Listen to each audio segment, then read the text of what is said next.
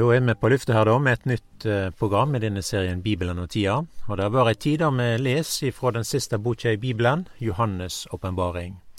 Og det er på mange måter ei bok som kanskje ja, ikke er så tett på det som skjer nett sånn i vår hverdag.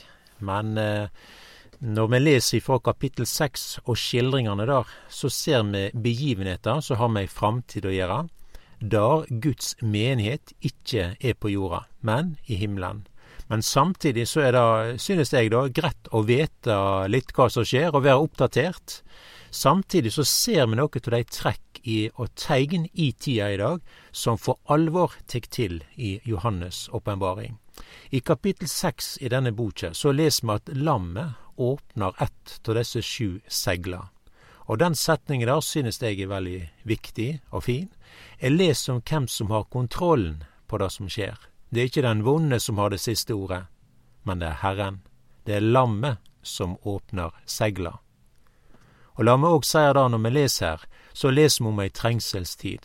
Her er det skildringer, begivenheter, som ikke har noe med Guds menighet å gjøre. Guds menighet er ikke på jorda under disse hendingene.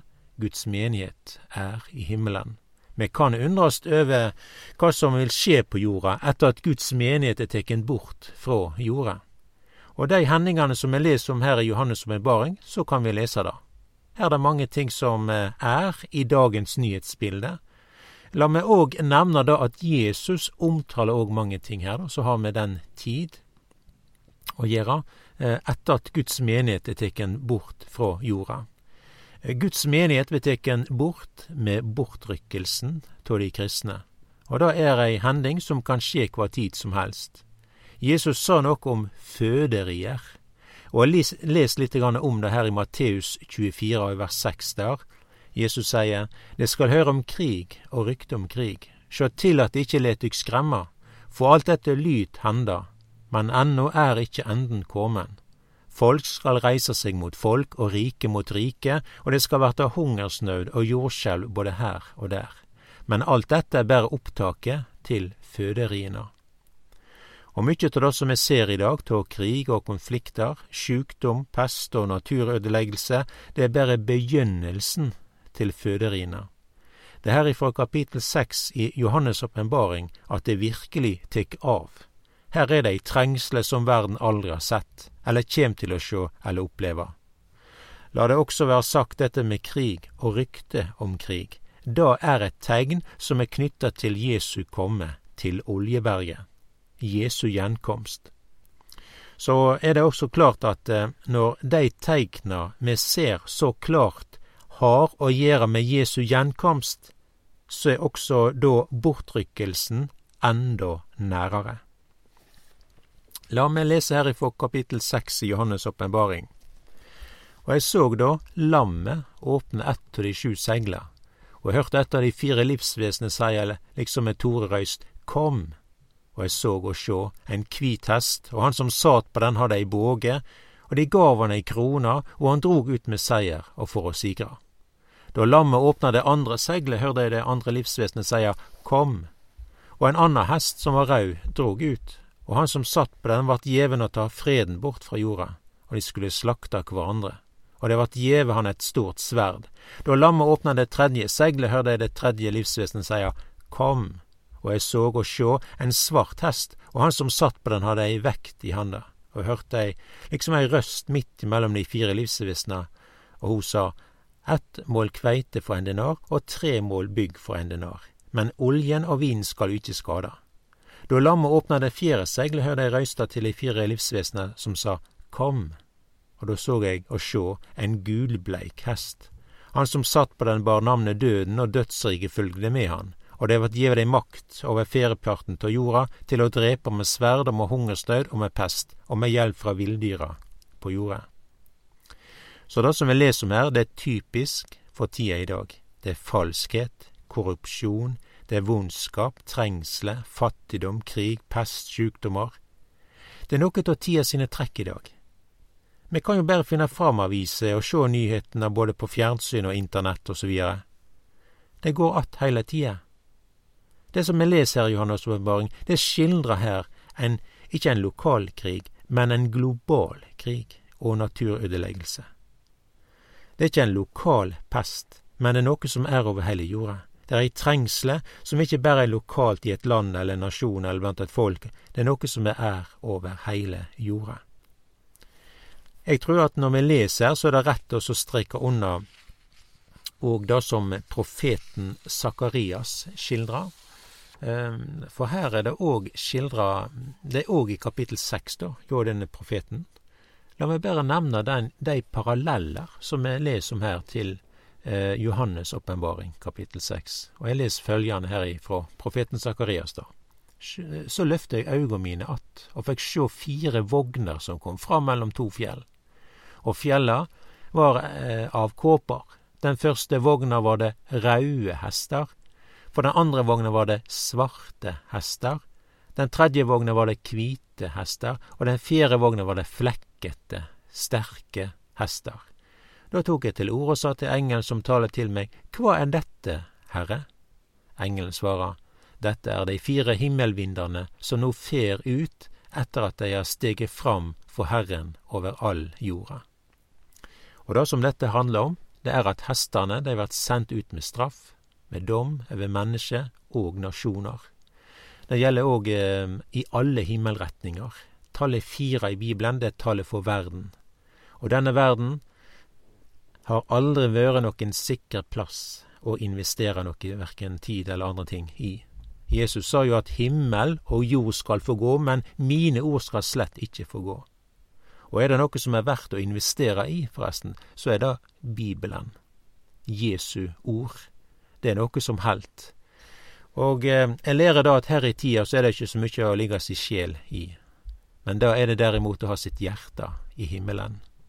Men la det være sagt, dette her det er ikke siste ordet. Og når vi leser disse at hestene springer ut, sant, så eh, det er ikke det siste som skjer. Vi kan lese videre hjå denne profeten Sakarias i dette ene kapittelet her. Så er det mye likt om det som vi leser om i Johannes' åpenbaring. Det står her i vers tolv så sa han til meg, så sier Herren, allherrs Gud, sjå, det skal komme en mann som heter Renning. Han skal renne opp for rota si, og han skal bygge Herrens tempel. Ja, han skal bygge Herrens tempel, han skal vinne herligdom og sitte og råde på kongetruna si, og han skal være prest der, han set på truna si, og fredsråd skal være mellom dei begge. Og det dette her handler om, er at Jesus skal komme. En renning, det var navnet hans. Og det er det samme som vi leser om i profeten Jesajas boka, Jesajas kapittel 11. Der står det blant annet i vers 1 En kvist skal skyte fram fra Isaistuven, og en renning for hans røter skal bære frukt. Så leser vi òg at han skal bygge Herrens tempel, han skal være både konge og prest. Denne Jesus. Og det er ingen andre i hele tilværelsen som kan ha dette emnet. Jesus. Han er kongen, og han er presten. Jesus er presten, som ikke bare kom med noe offer til kalver og bukker, men han bar seg sjøl fram som et offer. Han gikk ikke inn i en heilagdom som var gjort med hender, men han gikk inn i sjølve himmelen. Jesus han er òg der i dag og gir ei øvste øversteprestelig tjeneste for sitt folk. Jesus er også kongen, Davids konge. Han bærer navnet Renning. Han er fra Isai-stuven, og det betyr at han er etter av David. Jesus er den rettmessige arving til Davids truna i Jerusalem. Bibelen forteller dette her, og da er det vi ser med Israel òg i dag. At folket samler seg, jødene buset seg på Israels fjell, alt ligger til rette for at deres konge skal komme, Jesus Messias. Vi ser i dag at svært mykje tå Bibelens eh, puslespillbiter da dett på plass, og snart vil kongen komme. Og Jesus han sa det sånn her i Åpenbaringen 19, da. Det står eh, Ja, jeg så himmelen åpna, og sjå, en kvit hest, og han som sat på den, heter trufast og sannferdig, og han dømmer og strider med rettferd. Auget hans er som eldslåge, på hovedet hans er det mange kroner. Han har ei innskrift som, ja, eh, et navn som ingen kjenner uten han sjølv. Han er kledd i en klednad som er duppa i blod, og navnet hans er Guds ord. Herrene i himmelen fulgte han på kvite hester, kledd i fint lin, kvitt og reint. Utover munnen hans går et kvast sverd til å slå hedningefolket med, og han skal styre dem med jernstav. Han trør vinpresser med den strenge vreidevinen fra Gud, den allmektige. På kledene sine og på hofta si har han et navn skrevet, Konger over konger, Herre over herrer. Så dette her da er majestetisk. Dette her det er triumferende. Det er sant. Og den som tror på Jesus, han skal aldri verta til skamme. Dette her, det er framtid. Og Bibelen gir oss kjent med tider og hendinger som skal komme. Og vi er skuldig til å vite dette her, han har gjeve det oss gjennom sitt ord, samtidig er vi også skyld i å gjøre det kjent. Og jeg synes det er veldig greit å vite at krig og ødeleggelse ikke har det siste ordet. Det er ikke den vonde som står på tru nå. Det skal komme en fredsfyrste. Han er av Davids ett, og det betyr at Jesus er jøde. Det er han som kjem. Min brudgom er en jøde, min konge og min øvste prest er det som er min frelser. Ingen er som Jesus. Og vi kan òg ta med det som står her i Første Mosebok kapittel 49.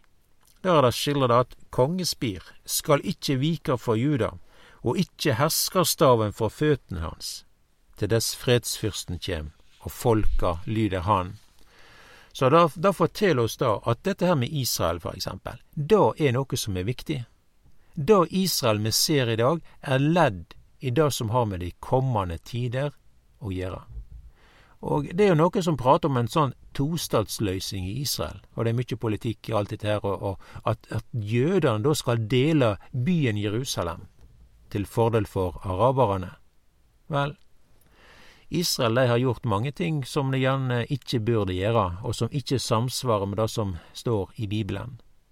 Men de kan ikke dele Jerusalem, for her er det kongen skal komme igjen Jesus skal sette føttene sine på Oljeberget.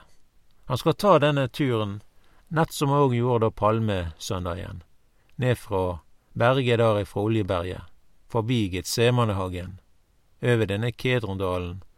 Han skal gå inn gjennom den gylne porten, og da kommer han rett inn på tempelområdet, på Moriaberget. Så det er klart at det, det er ikke jødene, om de ikke skulle være der da, så kan ikke Jesus komme. Jesus han kjem ikke som konge for det arabiske folket. Jesus er jødenes Messias. Så la det være sagt at Jesus, han er alles konge. Men er denne av Juda ett, han med navnet Renning, han som er Davids rotskudd og ett, løve av Juda, han skal regjere fra Jerusalem. Han skal være konge over heile jorda, les vi i profeten Sakarias 49, eh, eller kapittel 14 og vers 9. Da skal Herren verte konge over heile jorda. På den dagen skal Herren være ein, og navnet hans ett, les med. Dette her da var et rike tider. Jesus, han er fredsfyrsten. Og det er ikke, gjerne ikke så ofte vi hører om disse tingene på en sånn måte, men Bibelen skildrer det. Og eh, vi følger Jesus ofte til Golgata og til graven og hans himmelfart. Men bibelmaterialet her i Det gamle testamentet, eh, det som omtaler hans eh, Jesu komme, da, det har med hans gjenkomst å gjøre, for det aller meste. Vi lever i den tida i dag hvor vi ser de mange tegn hver eneste dag, og veldig mange ganger om dagen. Vi hører det og vi ser det. Og dette er noe som vi skal merke oss, for det har å gjøre med at Jesus kommer snart igjen.